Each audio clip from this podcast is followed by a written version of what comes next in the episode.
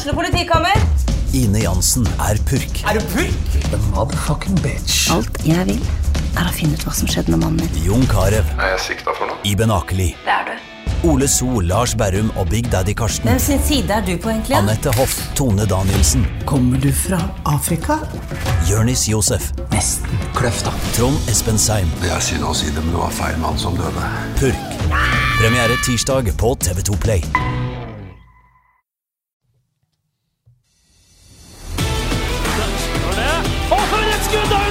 Har du sett på baken, Ulrik Saltnes? Da er det skåring! Og så skårer Bodø-Glimt!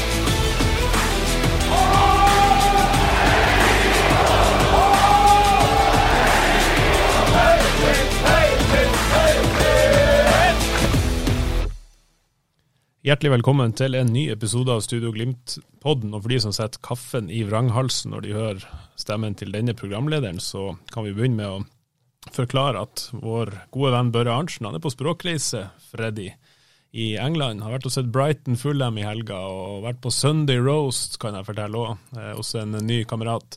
Så dere får klare dere med meg, både dere, Trond Olsen og Freddy Thoresen. Men det er altså Markus Rask Jensen som er programleder i dag. Ja, Det er godt å høre, Markus. Og det har jo vært en stand-in før deg, og det, han kom fra Jæren, Klepp og en gammel keeper, så, så språkforvirring og språkkurs og alt det der, det var godt at det var en nordlending. Ja, nært nok. Det er Litt sånn utvanna Lofotdialekt det Ja. forhold i dag. Det er hold i dag. Eh, velkommen til deg, Freddy. Velkommen til deg, Trond. Jeg ser du sitter og skriver så blekket spruter. I, er det siste forberedelser til sending du sitter med? Ja, litt. Og så begynner det å bli så mye spillere i Glimt at man, eh, man sliter jo med å huske navnet på alle og hvem som er aktuelle i de forskjellige posisjonene. Så eh, ja, jeg må ta noen små notater for å klare å huske alt underveis. Ja, for du hadde solgt Hugo Vetlesen allerede og tatt han ut av troppen. Nå må du ta han inn Ja, nå må, nå må jeg ta det inn, og så eh, Ja, det, det, det, det, det er mye utskiftninger her, og det, det er et hardt og tøft program å henge med på Ja. alt som skjer. Ja, absolutt. Eh, og du er jo inne på det, Freddy.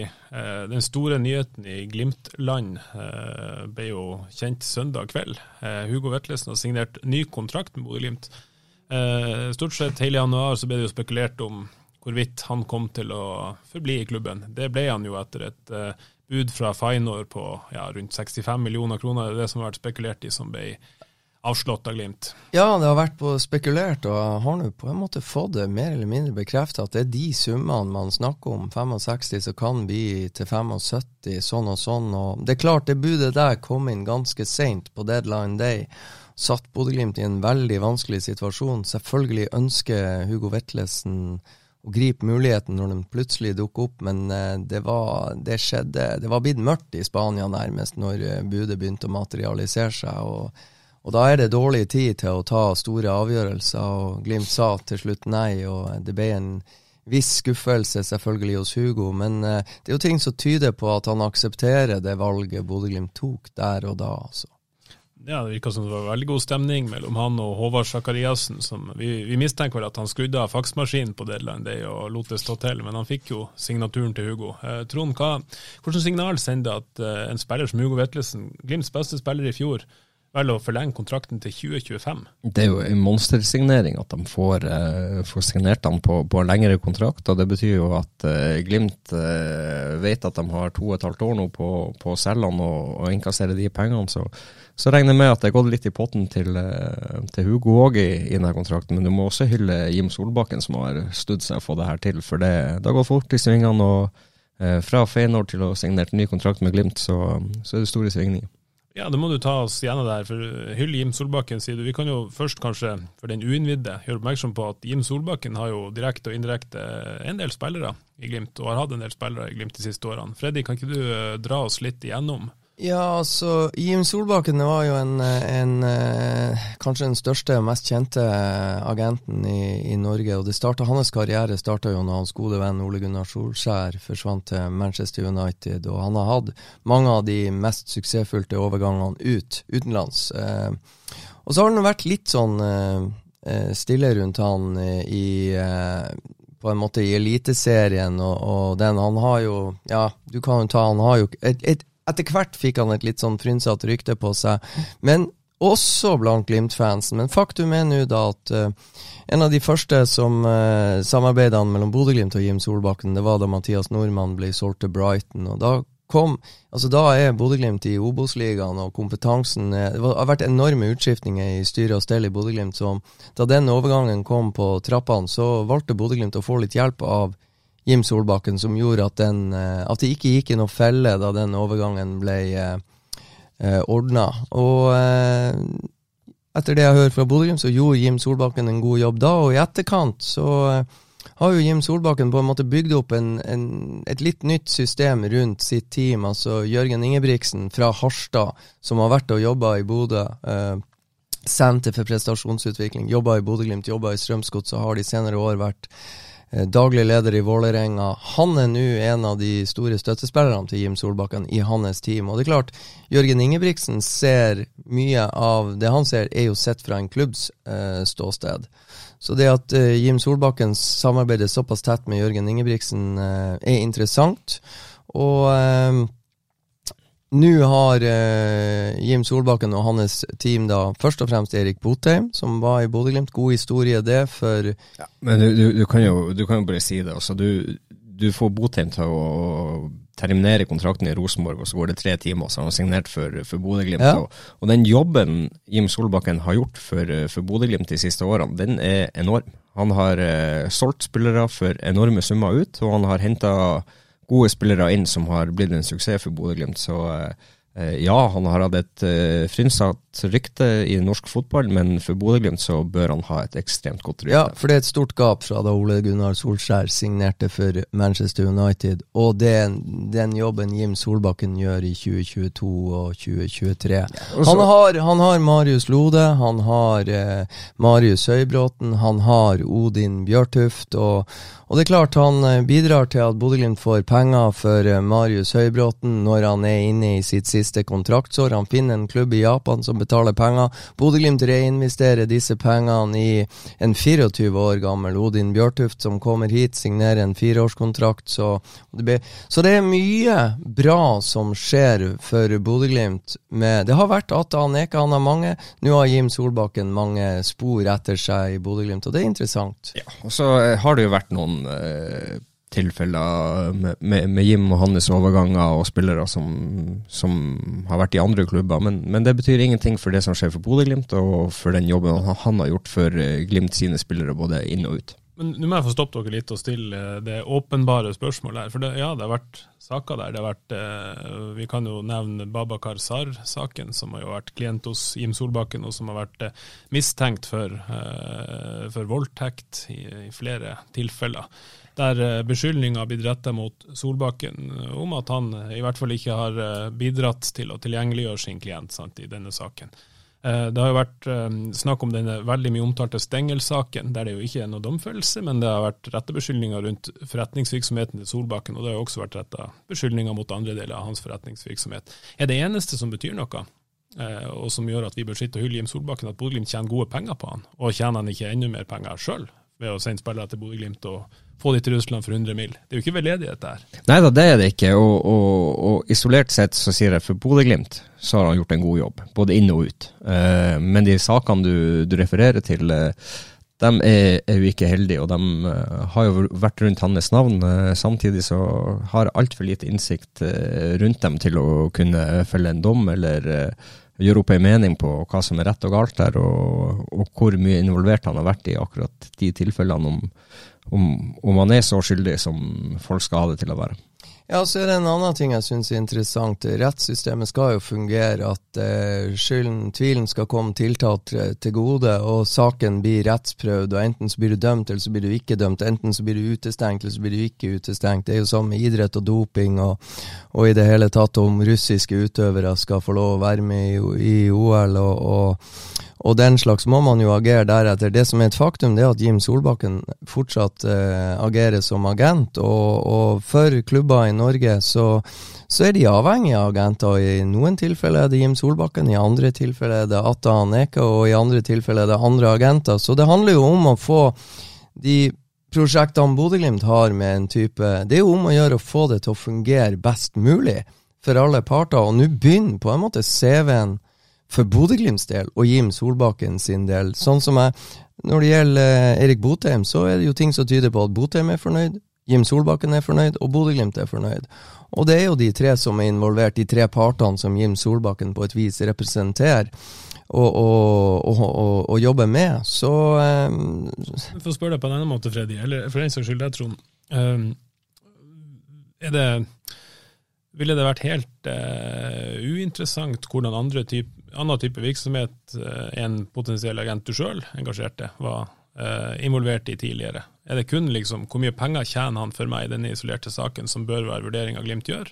Eller bør de se på en helhet? Nei, men jeg tror Glimt kan ikke gjøre noe med Da Hugo Vetlesen signerte for Bodø-Glimt, så var det ikke Jim Solbakken som var agent. Og så skifter Hugo Vetlesen agent etter at han blir Glimt-spiller. Og ha, her har ikke Bodø-Glimt noe som helst med å gjøre. Det er Hugo Vetlesen som tar den avgjørelsen. Og den er Bodø-Glimt nødt til å stå i og, og leve med.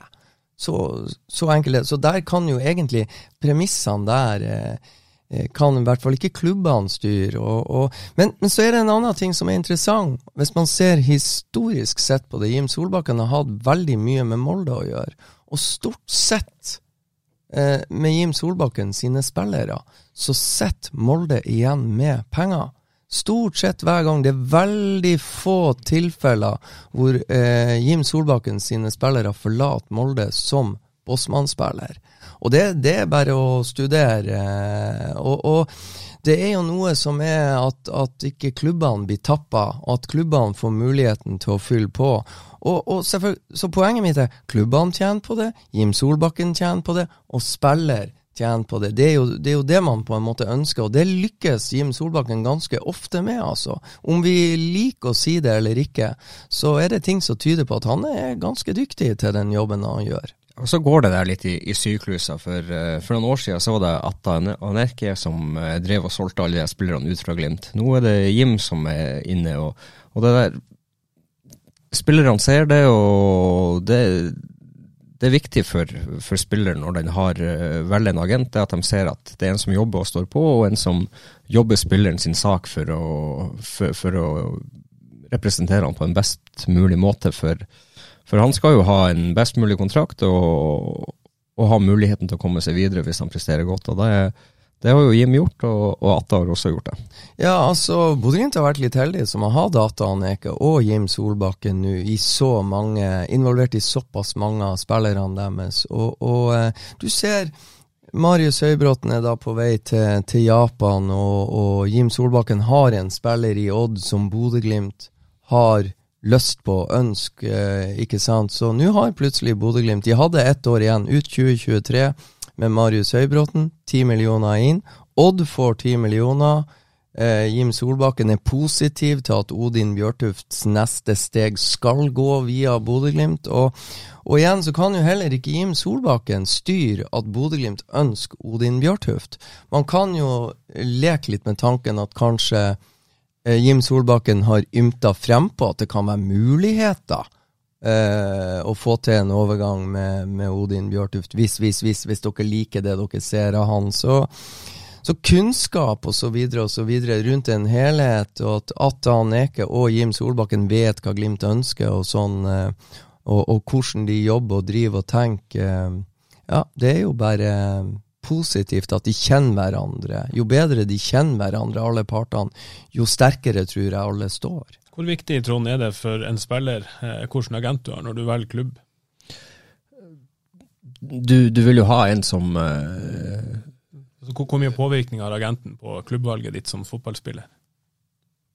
Egentlig ikke så, så, veldig stort, men uh, det er jo han som skal inn og representere deg hvis det kommer en klubb på banen. Og det er jo han som prøver å selge det inn til klubber, prøver å finne klubber som er en god match til deg. Og så kommer han tilbake til deg hvis Ja, la oss si at Leeds skulle komme på banen på en av spillerne til, til Glimt i dag, så, så, vil jo da agenten til spilleren få, få, en henvendelse, og så vil jo han da ta det videre til spilleren. Kan det her være noe som er interessant for deg? Og så blir det en diskusjon mellom, mellom spiller og agent, og så, så, tar man det videre eventuelt derifra. Og I enkelte tilfeller så kan det komme en ja, la oss si en japansk klubb på banen, og så sier spilleren nei, det er totalt uaktuelt, og da, da er det ikke noe snakk om det noe mer. Da, da er den lagt død. Så det, Eh, agenten vil være der som et mellomledd for å forhandle mellom deg og klubb, og, og representere deg på, på, best mulig måte. Hvor avgjørende tror dere det er å ha, eh, å ha god dialog da, med Jim Solbakken, som er sentral i overgangsmarkedet i Norge, for Bodø-Glimt, som har de ambisjonene de har?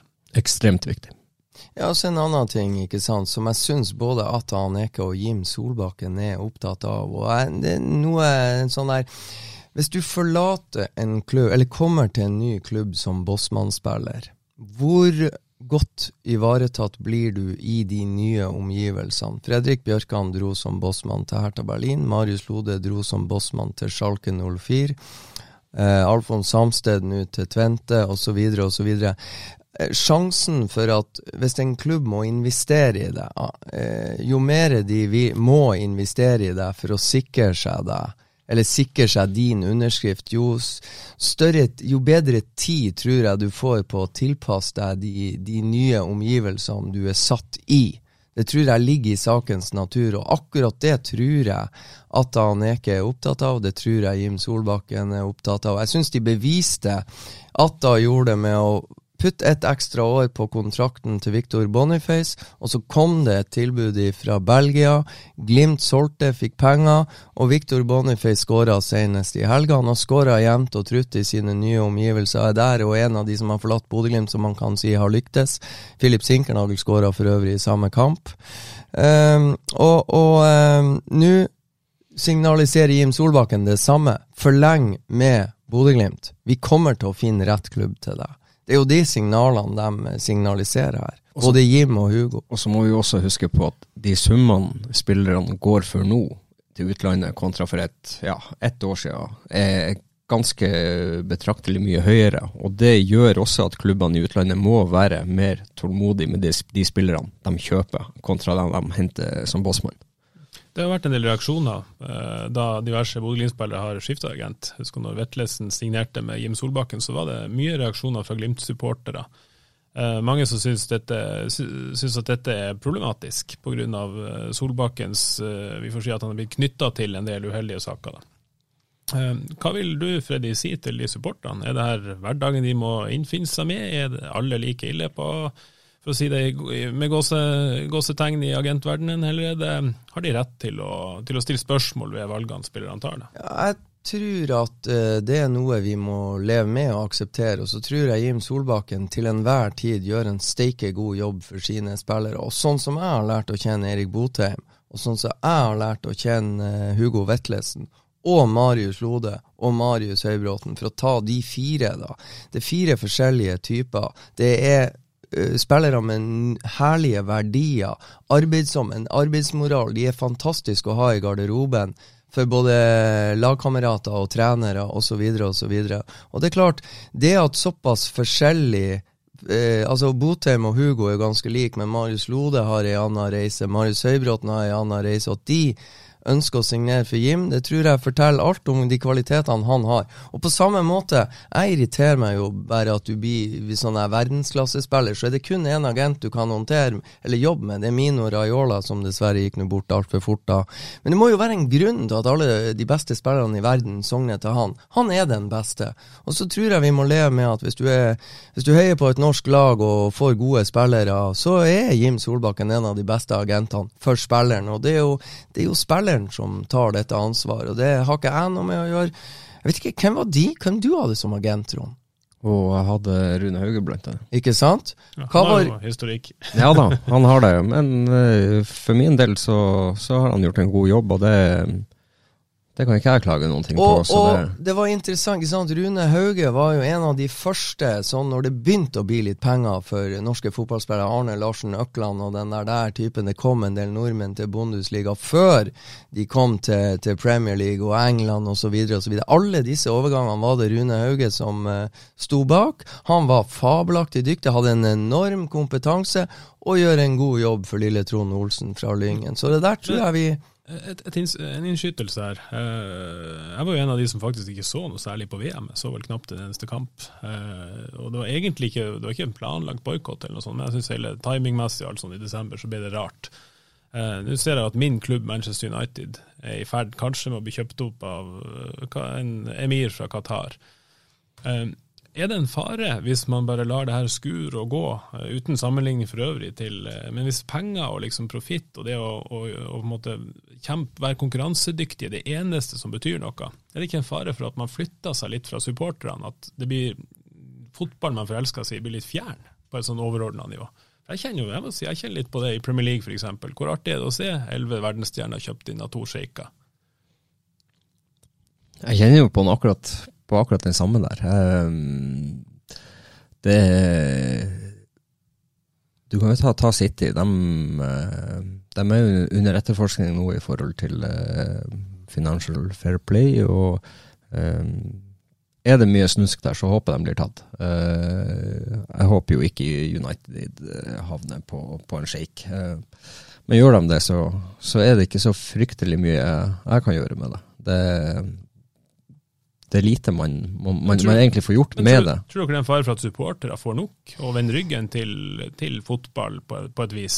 Eh, la meg si det sånn, jeg tror eh, supportere av Premier League-lag sliter mer enn supportere av norsk fotball. Jeg tror vi må leve med at Jim Solbakken er jævla dyktig. Det tror jeg Det tror jeg vi bare kan slå fast en gang for alle. Han gjør en god jobb. Og så er det å sette opp mot uh, verdens rikeste sjeiker i ja, Qatar osv. Nei, men jeg, jeg syns det blir, det blir uh, Bodø-Glimt Hvor går grensa? Jeg, kan, jeg kan si hvor grensa går. Altså, Hvis en qatarsk klubb byr 200 millioner for en Glimt-spiller, er det bare akseptere og selge av gårde? Ja, det må jo spiller bestemme. Ja, men hva, hva, ja, men hva bør Glimt gjøre? Glimt har jo et altså, verdisett. Altså, du, du, kan si Erik Botheim signerer for russiske rubler og velger å terminere kontrakten.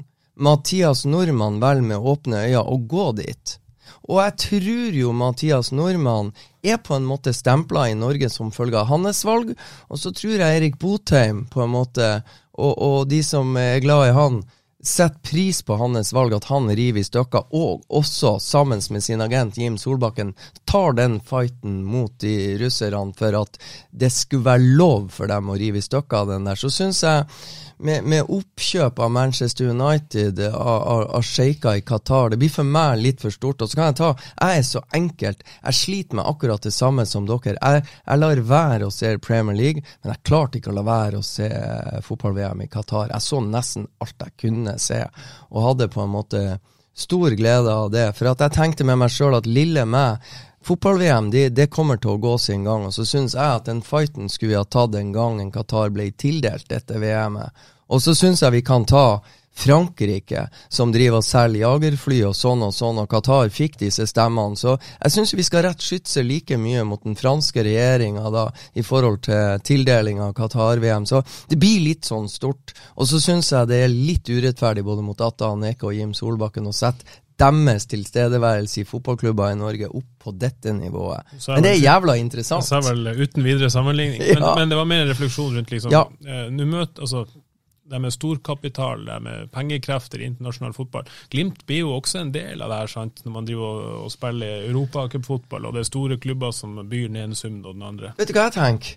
Ja, det, det, det er Godt spørsmål. Jeg tenker Jo mer utenlandske klubber er villige til å betale for en Glimt-spiller, jo bedre tenker jeg det er. fordi at jeg er en journalist i Bodø og skal skrive om Bodø-Glimt, og det gir nå Bodø-Glimt muligheten til å til å på en måte fortsette å bygge med det de holder på med, og fortsette å etablere seg, så er det jo jækla interessant å se fremover. Hvor flink er Bodø-Glimt til å ivareta på en måte det de nå er i ferd med, og, og hvordan, hvordan klarer de å håndtere disse voksesmertene? Det er litt artigere at Bodø-Glimt bygger opp et lag og blir en europeisk klubb å regne med, enn at han Kjell Inge Røkke hiver 200 millioner inn i klubben. Jo, men, men sorry, Trond. Men, men, jeg syns det er litt artigere. Jo, jeg, jeg, er enig med deg. Så må jeg gi Molde kreditt, for ja.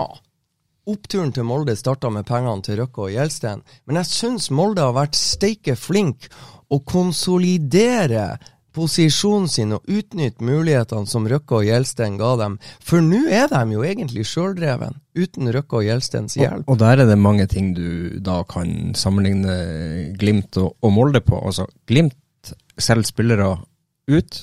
Hvor mange har lyktes der? Det er ikke fryktelig mange, kontra det Molde gjør. Det, det Molde selger ut, det lykkes i større grad enn enn de Glimt-spillerne som, som, har gått ut. Kan jeg få være frekk og spørre? Fredrik Aursnes. Fredrik Aursnes, korrekt. Hvor mange andre? O, Oi Omiuamfu dro til Røde Stjerne, er nå i Danmark. Du kan bare gå tilbake i historien. Solskjær. eh, Du kan bare begynne å lete tilbake. Solskjær. Ja da. Ja. Jeg, jeg har flere, men jeg Kom kommer igjen, ikke kom på igjen, noe. kom igjen, kom igjen, Trond. Det er ikke så, nøye- det ha ikke så nøye, det er ikke så nøye nå. Jo. Men uansett, de spillerne som går fra Molde, jeg tror de lærer noen ting mer enn dem i Glimt. For i Glimt så lærer de et system, et uh, maskineri. I Molde så er de litt mer individualister enn det de er i Glimt. Bra. Programleder må bare ta kritikk her. Har vi hoppa fra agent og Hugo Vetlesens kontrakt til storfotball i Qatar og Moldes suksess altså, Er det ikke bra? Det flyter jo alle veier. Ja, Men jeg, jeg tar kritikken, og så tror Og så kan jeg, så skal jeg bare parere han Trond Ja, ja. Magnus Wolff Eikrem, som dro ut i den store verden, lyktes ikke med noen ting. Og så kommer han tilbake og har vært en av Eliteseriens beste de fire siste årene i en knalltøff konkurranse mellom lille Bodø-Glimt og lille Molde. Det syns jeg er så stilig. Hvor er Rosenborg? Hvor er Brann? Hvor er Viking? Hvor er Vålerenga? Det er jo litt artig. Og så er det artig at Glimt tjener penger på å selge spillere, men jeg håper også Glimt klarer å forvalte de pengene og betale for de spillerne de henter rundt i de mindre klubbene. Fordi de, de små klubbene rundt omkring i Norge som driver og utvikler de talentene som kommer til Glimt, det er viktig at de får betalt. Bra. Nytt tema. Skal vi ta en liten vignett? Vi tar en vignett. Ja, vi gjør det. Da så er det skåring! Og så skårer Bodø-Glimt! Det har vært fotballkamp i Bodø. Tellende fotballkamp på torsdag. Eh, Glimt mot Lech Poznan 0-0. Første runde i playoffen i Conference League. Eh, Torsdag så skal det avgjøres om Glimt tar seg videre fra første hinder i fotballsesongen 23. Trond, hva sitter du igjen med etter å ha observert 90 minutter? Jeg syns Glimt er desidert best i første omgang. Um, ok i de 15 neste av andre omgang, og så syns jeg de begynner å gå tom og ja, eh, klarer ikke å holde det samme trøkket som de, de gjør i de 60 første. Um, eh, og så syns jeg det er litt sånn uh, Jeg skulle ønske det er litt mer trøkk og, og litt oftere tidligere innlegg, for du ser at uh, Lech de er veldig gode når de får ligge inn i boks og protecte boks og får, uh, får stå der og, og, og stange unna, så, så er de gode. Men litt oftere få dem feilvendt og, og få enda litt mer trøkk bak dem, så, så vil det åpne seg. Og, eh, og så er det litt for mye trøkk, eh, tråkling og, og, og, og possession før du kommer til avslutninger. Smell av et skudd fra 15-20 meter og, og få litt eh, variasjon på det, så, så tror jeg du tar det borte. Hva savner du, Freddy? Nei, jeg sitter med samme inntrykket som Trond, og som jeg tror nærmere 7000 tilskuere på Aspmyra. Litt skuffa over at eh, Litt sånn imponert. Jo, jeg blir mer og mer imponert over den andre førsteomgangen første omgangen Glimt presterte, jo lengre avstand jeg får til, til den omgangen. For jeg syns det var mye bra. Det var mye fart, kraft. Så eh, på en måte De tok på en måte et sånn jerngrep på Lech som faktisk egentlig ikke fikk til en skit før pause. Eh, og så, som Trond observerer, det skjer egentlig ingenting i andre omgang. Men jeg tror det er forståelig at det ble som det ble. Glimt hadde ikke krefter til å gjøre annet enn å fullføre det de ønsker å gjøre i 90 minutter. Hadde de krefter 16., 15., 16. februar, så holdt de i 45 minutter. Så tror jeg om en måned så kommer de til å holde i 90 minutter, og da tror jeg det kommer til å bli bra.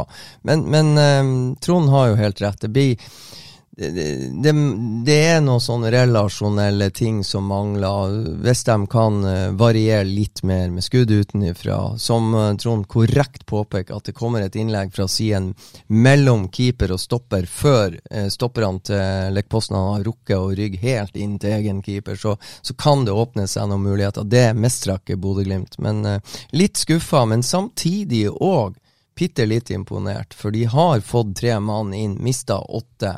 Har en gang, det var ganske fascinerende å se treninga til Bodø-Glimt på Aspmyra på fredag, for der var det steike mange gode fotballspillere som ikke har sjans til å være med i Europacupen.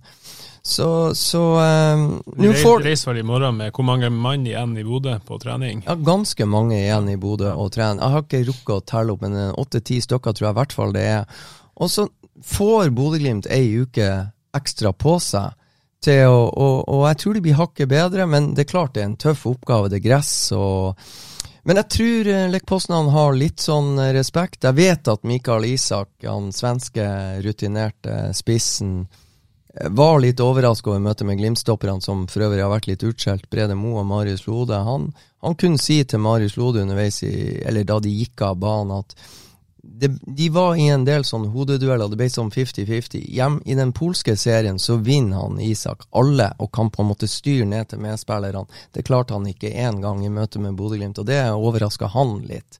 For det mente han var en av hans styrker. Så jeg tror det blir en utrolig interessant kamp. Og hvis Glimt tør å være seg sjøl, det, og, men det, det, blir jo også interessant med, med, at du får et litt annet underlag på mm. det her. og det det, det, passer kanskje Isak også bedre. Det går ikke like fort som det gjør på det kunstgresset. og um, det, det, det, blir en ny kamp, og, og, og, Glimt er nødt til å få litt mer strekk på, på stopperne deres, så de ikke får lov til å ligge inne i boks og forsvare den, for der er de djevelsk gode. Uh, og, det, viser den kampen. De, når de får være tight og kompakt inne i boks og, og beskytte målet, så, så, så, er de sterke.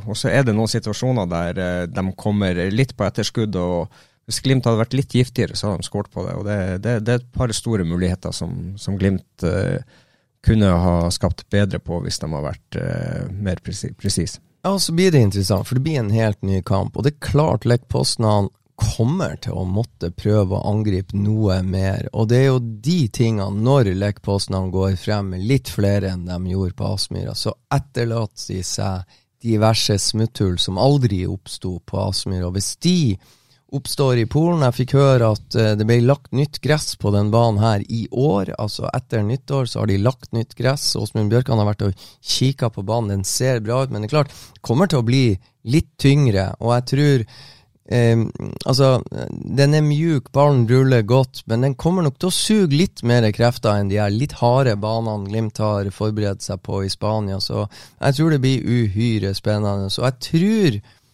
Glimt har satt seg litt i, mer i respekt, for jeg tror de syns det gikk litt fort, og at de er fotrapp, også disse Glimt-spillerne. Så blir det hvordan hvordan matcher de hverandre? Fysikken til Lech Poznan, som kommer bedre til sin rett i Polen, mot farta og den litt mer lekenheten som er i Glimt-laget. Så jeg tror det blir kjempespennende. Det er jo en fryktinngytende arena, og som er veldig kjent for publikumstrykk der. Eh, sist Glimt var i Polen, så, så, var det ikke en så hyggelig opplevelse. Det var hetebølge, og det var eh, Ja, det var leit i det hele tatt. Og så så jeg vet ikke hva dere tenker om denne dynamikken hjemme borte. Vi har jo sett det ganske ofte. Hjemme så ser Glimt veldig bra ut.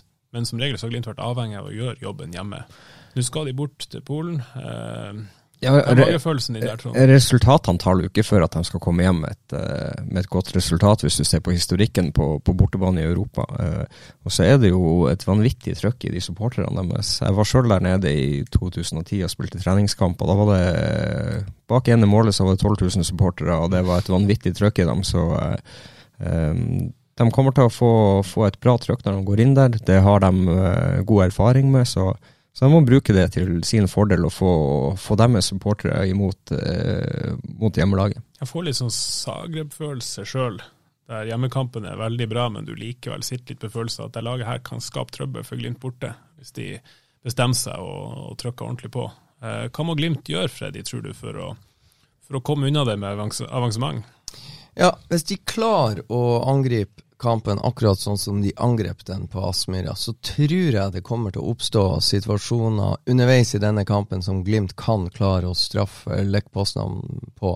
For det er klart, de halve jobben er gjort for Lech Poznan. De har hjemmefans. Hvis ikke de får scoring tidlig, så kan på en måte fansen du, Kanskje det går for å være blant den beste fansen i, i Polen, Lech Poznan-supporterne, og Legia Warszawa-supporterne i eh, Polen imponerte de fra Bodø Bodø som var på den kampen der, de snakker jo fortsatt om hvor fantastisk de var. De kommer til å være like fantastiske, Poznan-supporterne, men spillerne kan bli litt plaga av uh, at de, hvis ikke de lykkes tidlig.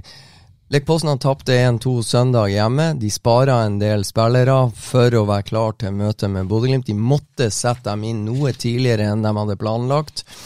Og eh, Bodø-Glimt blir styrka med kanskje den spilleren de mangler hjemme. Altså Hugo Vetlesen, 16 mål, årets spiller i Eliteserien. Han så ganske bra ut på trening i dag. Det Måten Hugo Vetlesen, Patrick Berg og Albert Grønbæk forflytta seg i lag ute på, på Aspmyra, de var ganske tight i mange av spillets faser. Så hvis uh, Der har jo Bodø-Glimt en liten joker som Lech Poznan-spillerne ikke har fått studert på annen måte enn på video. Så det er muligheter, men de må tørre å være seg sjøl, og de må ikke begynne å frykte. Og Så må de opprettholde det, den defensive tryggheten, for der syns jeg de var, tok kjempesteg i, i, i, forrige kamp kontra de treningskampene de har hatt i vinter, og egentlig det vi så på slutten av sesongen i fjor. Så, så syns jeg de var mye mer uh, tight og kompakt og, og, solid defensivt. Uh, de har hatt en liten akilleshæl, spesielt i, i, 2022, der de slipper inn litt for mye enkle mål. Og, og det tror jeg er hovedgrunnen til at de er 18 poeng bak Molde til slutt, det er at de, de, de, de var for svakt defensivt i fjor eh, kontra det offensive. Kommer kampen litt for tidlig for Glimt fysisk? Eh, du nevner de er ferdige etter 45 minutter sist, og det er kanskje en enda tyngre bane nå på torsdag. Jeg syns det er et kjempegodt spørsmål, og så, så syns jeg vi skal dvele litt til Erik Bakke. Han, eh, han har trent en eh, diverse lag i Norge, og han har en ganske lang og fin karriere og er en fotballmann. Han syns jeg oppsummerte det ganske bra på Viasat. Altså hvis nivået til Bodø-Glimt i midten av februar er det de viste før pause mot Lech Poznan, ja, da ville han ha vært bekymra hvis han hadde vært trener i et annet norsk lag, for han ble veldig imponert over den energien og den krafta Glimt viste de 45 minuttene. Og så er det på et vis litt forståelig at, uh, dessverre, og det går på at kampen kommer tidlig. Det er forståelig at kampen kommer litt for tidlig for Bodø-Glimt, og at de om en måned kommer til å være bedre, fordi Bris Wembangomo var klarert for 45 minutters spill, og Bris er viktig. Det samme med Amahl Pellegrino. De har vært igjennom operasjon. De har ikke fått sittet i banken det de må for å klare å holde det rette energinivået lengre enn de klarte i første kamp. Så så, eh, men nå får de jo og, og, en annen, Morten Ågnes Konradsen, som gjorde en veldig god kamp på Aspmyra. Han har også vært skada og er nettopp på en måte tilbake. Så de har jo tre nøkkelspillere hjemme som på en måte nettopp er på en måte kampklar, ikke sånn 100% Men ikke det som er utfordringa til Glimt med de her europakampene på vinter? Altså Det var jo samme mot Celtic. Jo, men, men, jeg er litt uenig, fordi at i november allerede så visste de at de her to kampene kommer. Og da har de en oppgave. Det er å være klar til i 16. februar, hva det var eh, kampen var. Da har de én oppgave. Det er å være klar til 16. februar og returoppgjøret i, i Polen. Og hvis du klarer å ha det nivået du har i de 45 første, så, så er det sterkt. Men har du klart å ha det i 70-75, så hadde det vært enda bedre. Og det, det, er klart at du har vært uheldig med litt skader og det ene og det andre, og, og mye, og mye spillere ute. Ja, ja, det, det, det, er mange ting som påvirker det. Men uansett, det er deres oppgave å være klar til eh, 16.2, og det syns jeg de har klart ganske bra.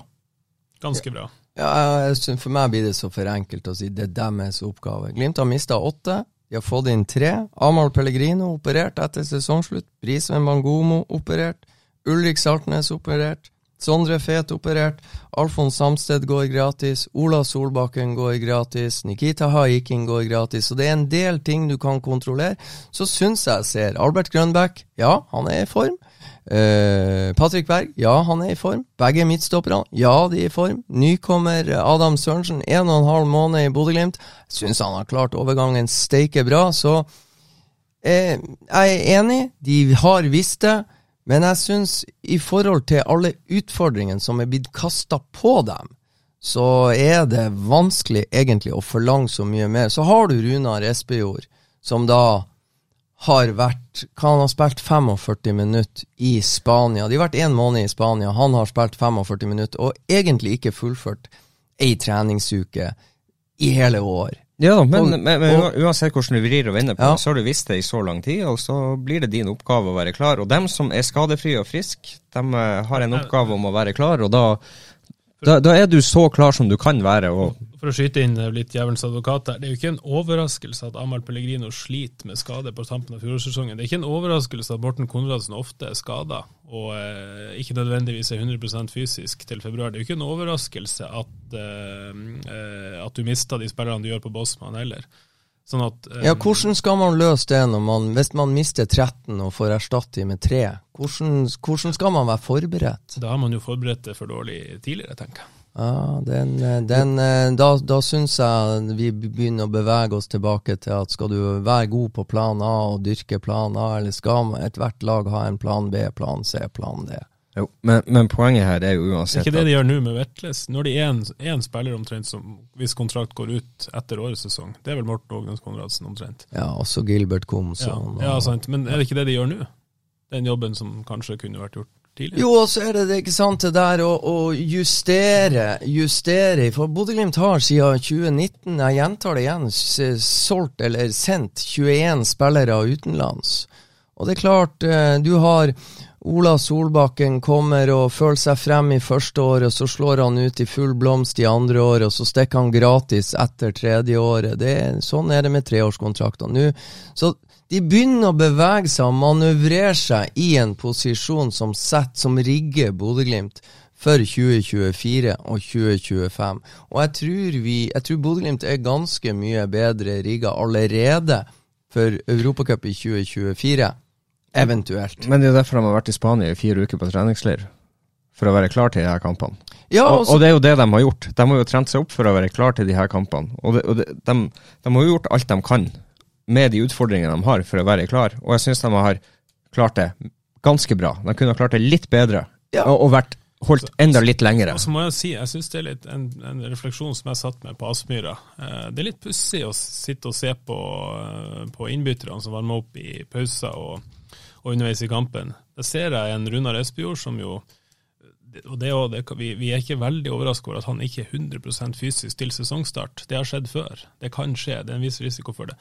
Eh, Jeg ser en Lars Jørgen Salvesen som selv etter byttene ja, varma opp helt til det spilte 90 minutter omtrent. Eh, som har hatt den historikken han har hatt i vinter. Jeg ser sønnen til vår gode kollega Per Eivind Sjong på 16 år, som sikkert er en veldig talentfull keeper, men som er den eneste keeperen de har å plassere på innbytterbenken.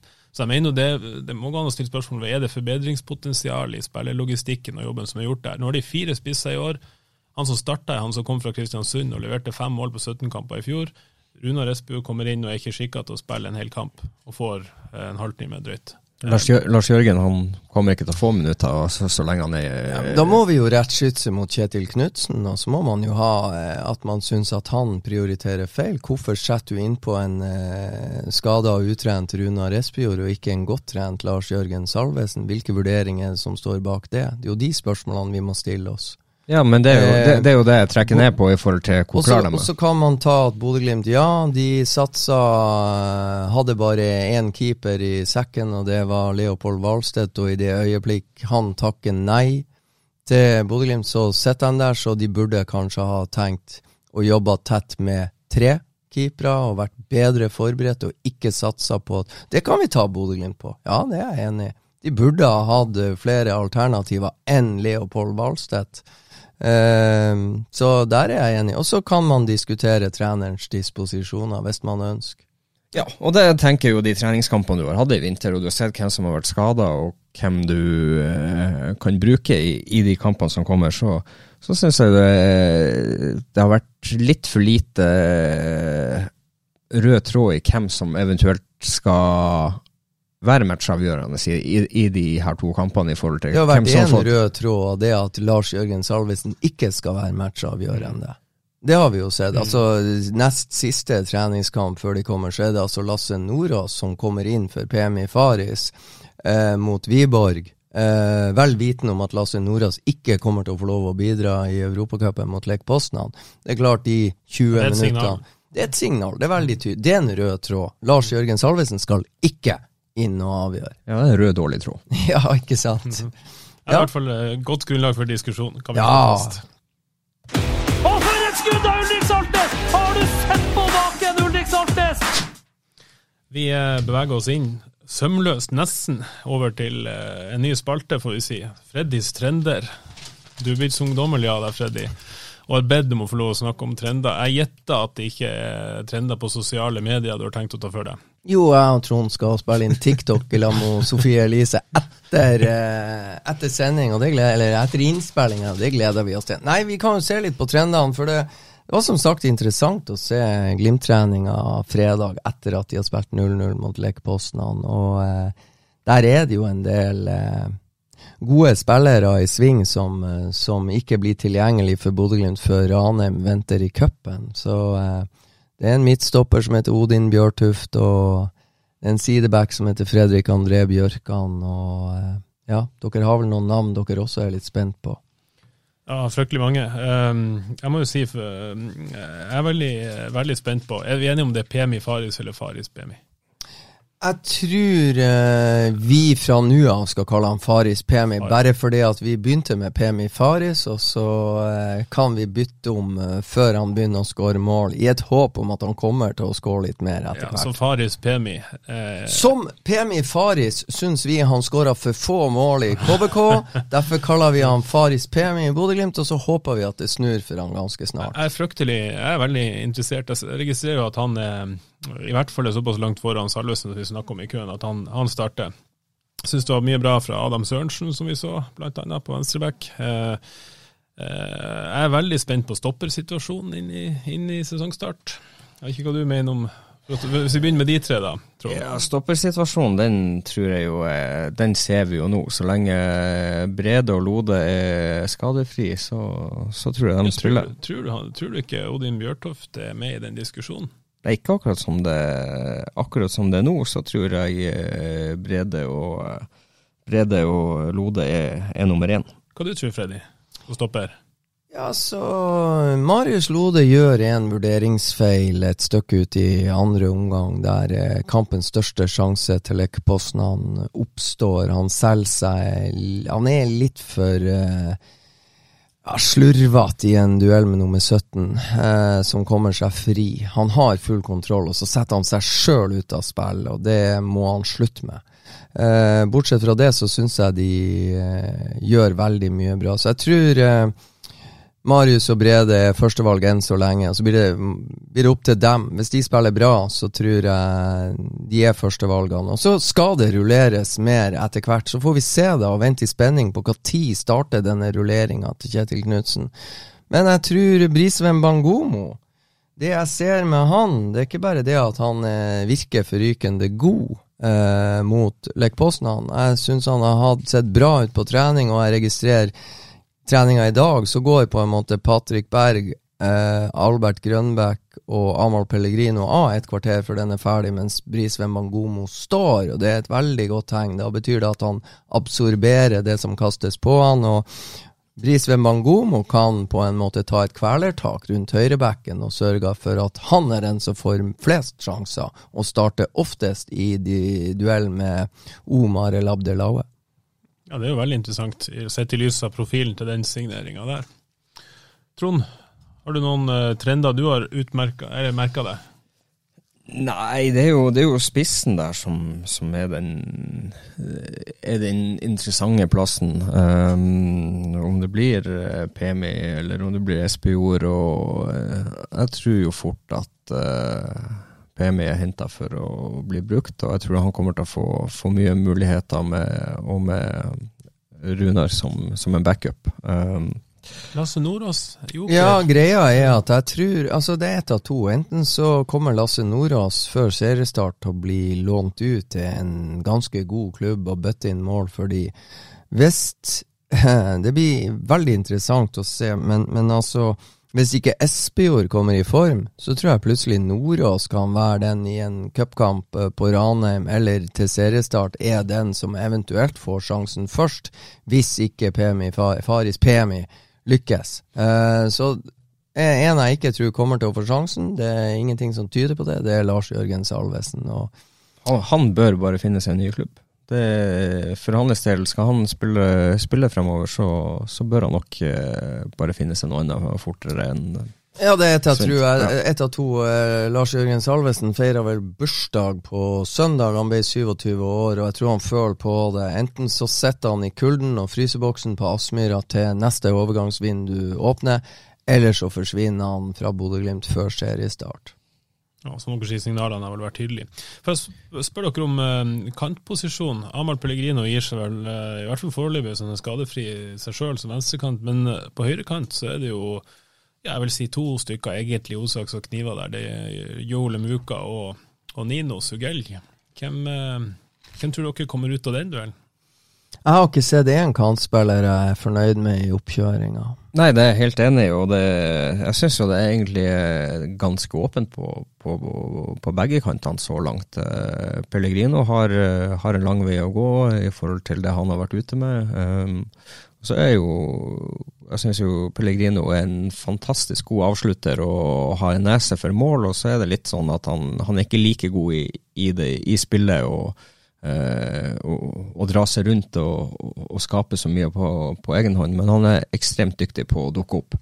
Um, det trenger de jo, de trenger mål i det laget. Det, det gjør de jo, men um, sliter de med å, med å, få ball opp i boks og, og skape sjanser, så, så kom jo ikke han heller til dem. Jeg ble litt sånn skuffa på Aspmyra, for Bodø-Glimt eh, bytter hele frontleddet mot eh, Lekposten etter 70 minutter. og Vi har jo klaga på Kjetil Knutsen og Glimt før at de bytter for seint. Her syns jeg byttet kommer på et sånn høvelig OK tidspunkt. Kanskje ville jeg ha bytta spiss litt før.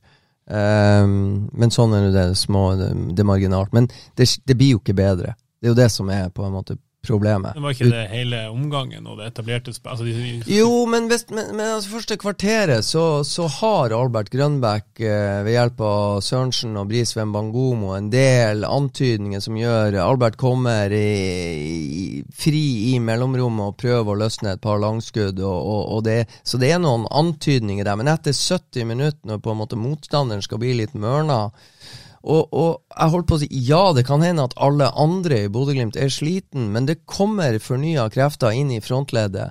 Og vi ser litt at Runar Espejord klarer å plage stopperne litt mer. Men kantspillerne ingenting. De skal ha ballen på fot, og de stopper rommet til sidebackene, som allerede på dette tidspunkt er begynt å gå tom. Det kan være enig i, men, men, men samtidig så skal du ikke kvele dem helt, fordi at uh, du skal ha hjelp, og du skal ha overlappene, og du skal ha bevegelsene uh, på innsida av deg som, som, skaper rom. og det, det, det, er litt urettferdig å bare legge det på dem, for du har, uh, du har åtte andre der som, som er begynt å bli ganske kjørt, og da, da, er det naturlig at det ikke blir den samme flyten og spruten i, i dem som kommer inn og overtar de posisjonene for dem som gikk ut. Og det forbeholdet tok jeg. Hva er det? Er det de tre som kom inn som ikke leverer? Nei, det er en, kombina det, det er en kombinasjon av begge deler. Ikke, ikke, sant? Jeg syns det lå å stoppe på stoppeplass òg en gang. Sant? At det blir litt sånn avventende. Man tør ikke å dra på seg press på samme måte. Det begynner på en måte der. Eh, og Vi vet jo hvor viktig stopperne er i frispillinga. Jeg satt og leka meg med en liten sånn der mulighet. La oss si eh, Bodø-Glimt-Molde i en eller annen viktig seriekamp tidlig i sesongen. Som du kan se på ANTV? Ja, ja, ja. Men lek litt med den her, ikke sant. Så så de første 60 minuttene så er det Brisveen Bangomo i 110 i 60 minutter. Og Adam Sørensen i 110 i 60 minutter. Og så terroriserer de på en måte Molde opp og ned, opp og ned, opp og ned. Og så etter 60 minutter så bytter du. Så setter du inn en pigg, helpigg Omar El Abdelaue den siste halvtimen, og Fredrik André Bjørkan. Og hvis de da fortsetter der uh, Omar og Nei, der uh, der eh, Bris og eh, Adam Sørensen slapp, så kan det bli ganske ekkelt. Istedenfor at du får en halvsliten Brede Mo ut på høyrebekken. Ja, ja. sant. Men nå skal vi sette dere til veggs her. Du begynner å Jeg gleder meg. Ja. Hva er elveren når seriestart kommer andre påskedag? Faye Lund. Uh, den er jeg i tvil om. Ja. ja. det kan jo være at jeg får inn en keeper på Ja, det tviler jeg på. du skal ikke si det. Jeg tror ikke Glimt er ferdig shoppa, okay. for å si det sånn. Det tror jeg ikke. Mm. Uh, sånn som det ser ut nå, Faye Lund. Mm. Uh, Omar, hvis han er frisk og rask uh, og har kommet seg til da, så spiller han. Om ikke, så er det Bris. Lode, Mo, Bjørkan, Berg, Grønbekk, Vetlesen, Mbuka, PMI, Pellegrino.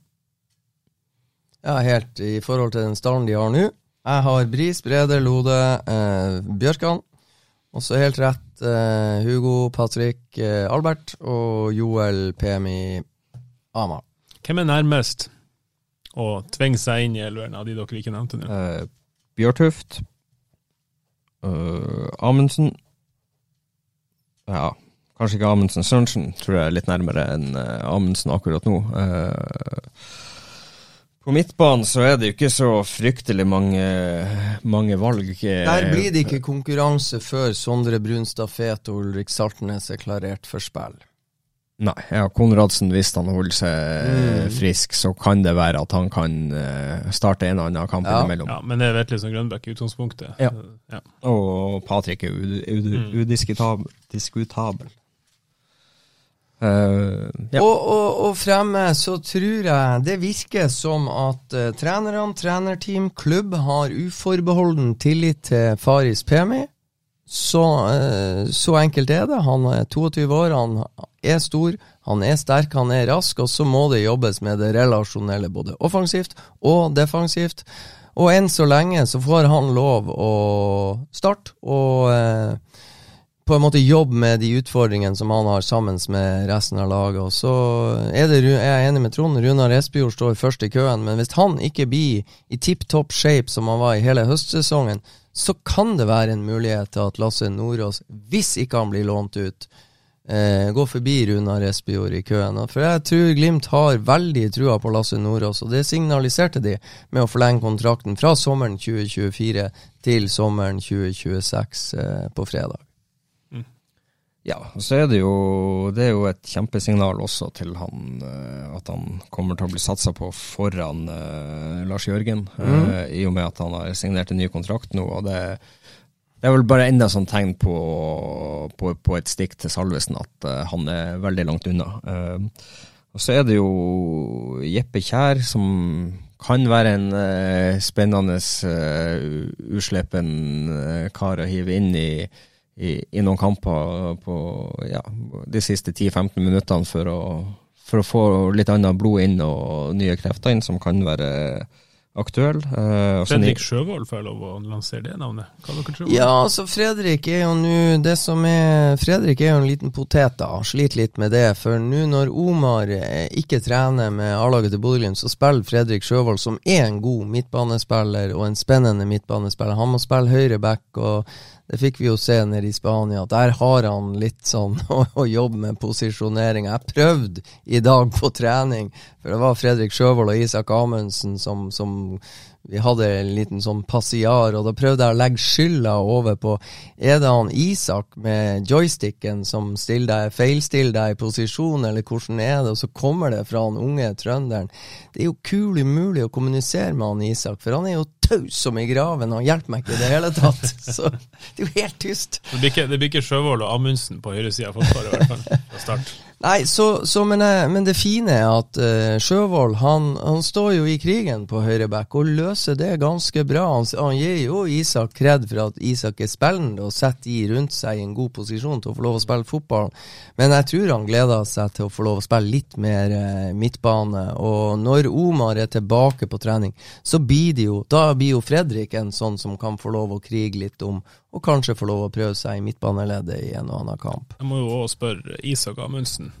Det, det gjør litt vondt når man har sett han mot Dinamo Zagreb på sitt beste, kanskje, i hvert fall i 45 minutter der hjemme. Han er langt unna elver nå.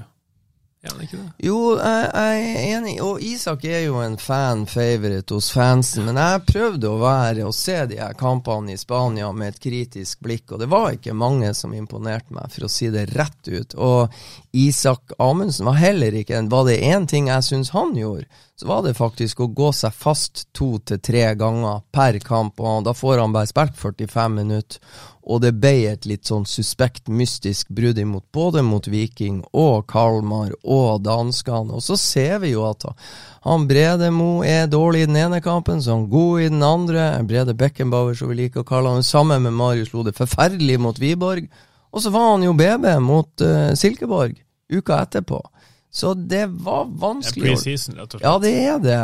Og, og vanskelig å lese og tolke og tyde, altså. Og så ser vi plutselig Hvem er det som skårer mål? Jo, det er jo Nino Sugelli. Han er jo den eneste som egentlig skårer spillemål her. Albert hadde et, selvfølgelig, men, men altså Og vi var jo da ikke i nærheten å få se det Nino viste, litt som ga oss litt glede. Det fikk vi det var jo støttepasning. Men er det, er det et lite paradoks eh, at man tidligere med Kjetil Knutsen, så har han som du sier, det har vært, kritisert for å rotere lite og veldig, stå veldig fast ved sine elleve. Nå er det jo henta en feit tropp. Det er brukt masse penger, det er hentet inn masse kvalitet. Men det er ikke så veldig lett å liksom peke ut nødvendigvis hvem er det som er eh, de vi skal snu oss til, og på en måte hvem er Nei, men ikke det en styrke? At du har eh, en såpass eh, stor og, og, og jevn stall at uh, får du skader, så kan du, kan du sette inn uh, noen i forhold til at du egentlig ikke blir noe særlig svekka. Og så er det klart at det, det er tøft å holde en så stor stall eh, fornøyd. Eh, det blir en utfordring, det òg, å eh, holde harmonien og, og få alle til å være like happy, for det, det er ikke like enkelt i, i den situasjonen som er nå. Nå må du stille Trond et til spørsmål. Skal du pina få ei artig problemstilling eh, når dere har dvelt det ferdig? Men bare noter litt, så fyr et kult et til han Trond, du. Du, ber, du ber meg om å stille Ja, ekstra et spørsmål, spørsmål. Ja, oppfølgingsspørsmål. ja, ja, ja, ja. Et godt et. Ja, hva er jeg tar Drillo-varianten. Hva er prosentsjansen for at Glimt går videre i Conference League? 70-40, ikke det han sier? Nei da. Uh, jeg tror de egentlig har ganske gode sjanser. De må, eh, de må dra dit og være defensivt trygg, først og fremst. Og så må de ta vare på de, de mulighetene de får, for eh, Glimt kommer stort sett alltid til, til muligheter offensivt. og Da er det viktig at de, de rette folkene får, får de sjansene.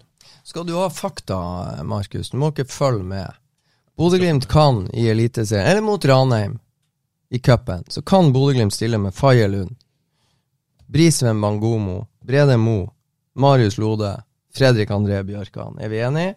Så kan de stille en midtbane med Patrick Berg sentralt, Hugo Vetlesen, Albert Grønbæk, Joel Mbuka, Pemi Faris, Amal Pellegrino. Så kan vi jo eh, ta seriestart, da.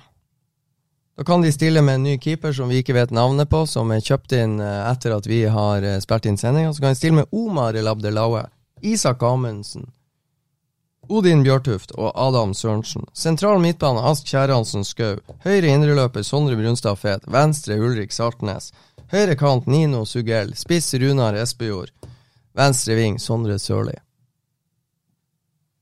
Ja. Det er mange spillere. Jo, men jeg tror du har potensialet til to gode elvere her. Det var hele poenget mitt. Ja. Og så tror jeg det blir en utfordring å, å treffe med form Ja. og fysikk. Få de Men så, i så, så er det, ikke sant. Marius Lode og Brede Mo har en viss kjemi Mm. sammen. Jeg syns Isak Amundsen og Marius Høybråten var i ferd med å finne en god kjemi. Så da er spørsmålet hvem er det som får best kjemi? Er det Brede Mm. Mo og eh, Odin Bjørtuft? Eller Isak Amundsen og Marius Lode? Eller hvordan stokker du de her? Og så er det hvilken kjemi får Bris Wembangomo med Hugo Vetlesen og Joel Mbuka på sikt? Blir det en bedre kjemi med Omar, Hugo og Nino? Altså, hvem er det som finner ut, som på en måte begynner å spille litt sånn i blinde, og, og, og begynner å kunne løse sånne ting? Bryte litt ut av mønsteret til trenerne og løse ting instinktivt. Det der vet du litt om, Trond, hvordan det er å spille ute på banen og få de, de du liker, de du kjenner med og, og rundt deg, ikke sant. Og her har Bodø-Glimt enorme muligheter, men eh, de må jo finne ut hvem som passer best sammen. Når. Og de må få folk i form. Ja. Ja, det, det må de. Det er lenge til seriestart fortsatt. Det er det. Og så heldigvis er det lenge til seriestart, for uh, jeg tenker jo at de må ha inn et par spillere til, og skulle gjerne hatt inn en, en, en ny kant. Jeg er enig med deg, Trond. Glimt bør eh, se etter en ny kant. De bør egentlig hente erstatteren til Jolum Vuka før han forsvinner. Det hadde vært stilig. Men, men fortell meg, hvem bare, Hvilken venstreside har du fungert best med? Jeg bare må vite det nå, for vi må ha litt sånn fotballhistorisk eh, sus her. Roy Miller, eh, Birker Bjarnason eh, hadde vel en eh, god venstreside med Roy Miller og eh, Hva heter han, kom fra Ranheim, han òg? Thomas. Ah, Thomas. Thomas Rønning, ja. Ja. ja. Hadde jeg bra Du vet når jeg sjekker det her med Runar Berg Ja, Men han var ikke venstre, han var høyre. Nei, ja, nemlig. Og han sier jo at det er han på høyre som var løsninga. At det funka Ja, ja. så bra på venstre. Men, men, men det, er jo, det, det er jo som jeg alltid har sagt, alle har jo trodd at Runar var så jævlig god, men, men vi måtte jo springe opp den jævla ballen hele Nemlig. tida. Feilpasninger fra Runar. Ja, så Jo, det Men sant, egentlig så har du aldri vært rask helt til du begynte å måtte springe inn eh, feilpasninger fra Runar. Ja, det, det var jo knallhardt. Sant. Og det, var- det var ikke rart han var Og de var så dårlige at av og til måtte du slå på, på, på første Av og til ble for for ja. Måtte du slå på første mellom stopper og keeper. Sant? Ja. Andre ganger så måtte du ned til linja før du nådde han, og slå han på bakre til en eller annen som kom. Men, eh, men kan ikke Glimt bare hente Emil Konradsen Seide? Det hadde vært stilig. Det bør jo være, mulig. Han spiller Ja. jo ikke så veldig mye der nede. Får vi håpe at det er Jim Solbakken som er agent, så fikses det. Dennis Johnsen. Da blir han, da blir han eh, Markus Jensen sur. Jeg blir veldig, jeg blir veldig fornøyd hvis de henter en ny kampspiller før seriestart. Ja. Og keeper må i hvert fall på plass, tenker jeg. Det er Må ganske det. opplagt. Det må det. Og det betyr jo at vi har litt sånn spenning i vente. Og overgangsvinduene i alle de her er ikke helt Men eh, Trond er jo fortsatt aktiv. Hva? Trond Olsen er jo fortsatt aktiv. Men du er det. Du har, du har noen mål Du, til. er du spillende trener i år? Spillende, spillende gående trener. Ja, Ja, det, er ikke, det er ikke mye fart. Nei, men du trenger bare ett løp og ett skudd. Ja, det holder. Ok, da tror jeg vi er i ferd med å avrunde, hører jeg på passiaren. Takk til Trond, takk til Freddy, takk til våre lyttere. Takk til meg sjøl, ikke minst. Og så eh, høres vi Var det, ikke, var det ikke artig å være tilbake, Markus? Jo, det var litt artig, men det tok jo litt for lang tid i dag. Ja. ha det godt. Hei. På gjensyn. Og for et skudd av Ulrik Saltnes! Har du sett på baken, Ulrik Saltnes? Og så er det skåring! Og så skårer Bodø-Glimt!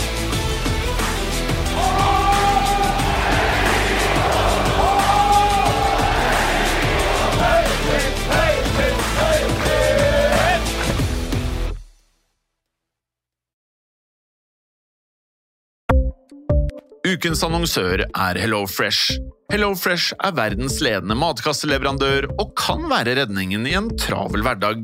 Mange av oss har nok vandret i butikken både sultne og uten en plan for middagen, som ender med at vi går for de samme kjedelige rettene gang på gang.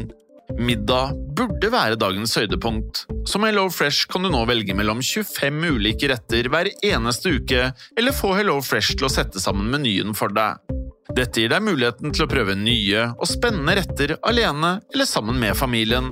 Du velger antall porsjoner og får alt levert på døren på et tidspunkt som passer for deg. Oppskriftene er enkle, og maten er lett å lage både for store og for små. Ved å få alt levert hjem får du også mer tid til å dele matgleden med familie og venner. Kanskje det frister med asiatiske tacos eller greskinspirert kylling? Da kan jeg anbefale deg om å gå inn på hellofresh.no. Her kan du bruke koden FOTBALL og få opptil 1779 kroner i rabatt på de første fem matkastene hvis du ikke har prøvd HelloFresh tidligere.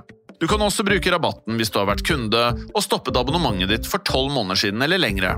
Gå inn på hellofresh.no og bruk koden FOTBALL. Har du et enkeltpersonforetak eller en liten bedrift? Da er du sikkert lei av å høre meg snakke om hvor enkelt det er med kvitteringer og bilag i fiken, så vi eh, gir oss her, vi. Fordi vi liker enkelt. Fiken superenkelt regnskap.